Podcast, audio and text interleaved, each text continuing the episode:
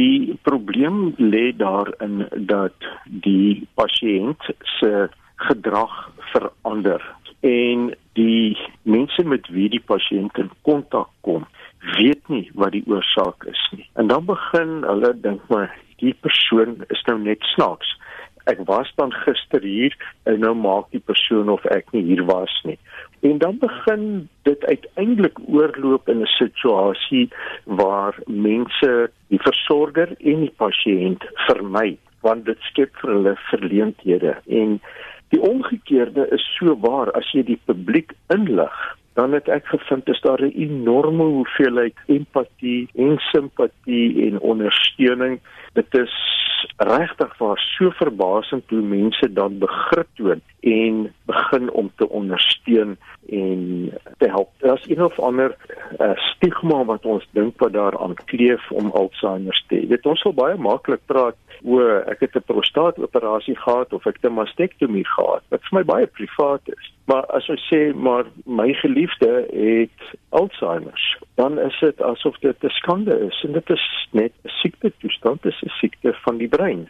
Wanneer het julle begin agterkom? Hoe lank terug en wanneer dat daar is 'n foutjie? Die eerste tekens was 14 jaar gelede. En in haar geval was dit so dat soos baie ander mense met wie ek nou ook in kontak kom dit word bietjie weggesteek. Daar is snaakse optredes daar's herhaling ek wil ook net terloops noem dat om iets te vergeet is nie 'n teken noodwendig van Alzheimer nie. Dit is maar menslik om goed te vergeet. As jy ouer word dan is jy geneig om 'n paar goed meer te vergeet. Mens moet nie op hoop gaan daaroor nie.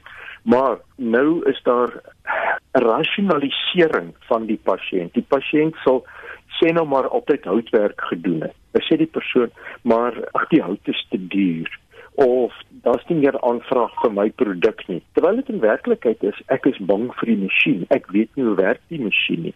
Of ek wil nie nou dorp toe ry nie want ek wil petrol spaar. Die persoon is eintlik bang sy verdwaal want hy ken nie meer die pad nie.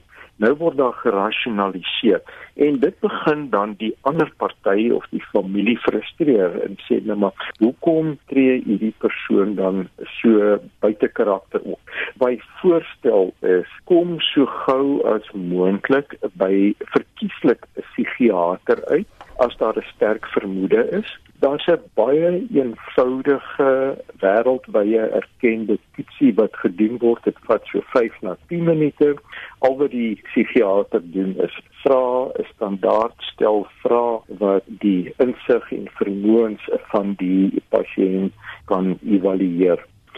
En dan as jy die diagnose het, dis natuurlik waar die eerste groot slag kom vir die verhouding tussen die pasiënt en versorger of die geliefde veral vir die pasiënt is dit 'n verskriklike skok. Dit is 'n baie slegte ervaring om gediagnoseer te word met hierdie siekte want ons het dit nie noodwendig nie maar ons ken mense wat dit het en ons sê ek wil dit net hê nie en daarom kom dit as 'n skok vir al vir die pasiënt en natuurlik ook vir die versorger die geliefde dit is 'n ding wat dan natuurlik begin om aan enige verhouding te knaag daardie besef van wat voorlê.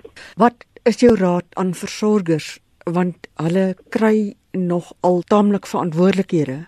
Ja, daar's 'n hele klomp goed wat gedoen moet word soos byvoorbeeld kyk daarna dat die persoon miskien nie meer kook nie want hulle vergeet die kastrol op die op die plaat of nie water kook nie. Met gedrag dit wissel van persoon tot persoon. Vat die kredietkaart weg. Die persoon gaan nie meer met geld en geldsaake suksesvol kan werk nie gaan kyk na boedelbeplanning. Gaan kyk dan op die ou end om 'n versorger in te kry en ek wil tog pleit dat 'n mens daar 'n behoorlike opgeleide persoon kry met baie empatie wat dan kan begin versorg. En dan uiteindelik gaan meeste van die pasiënte maar eindig in 'n versorgingsoord. Die koste eskaleer baie hoër as wat meeste mense aandink. Onthou dis 'n ouderdomsverwante siekte. Mense beplan nie noodwendig finansiëel vir hierdie versorgingslas nie.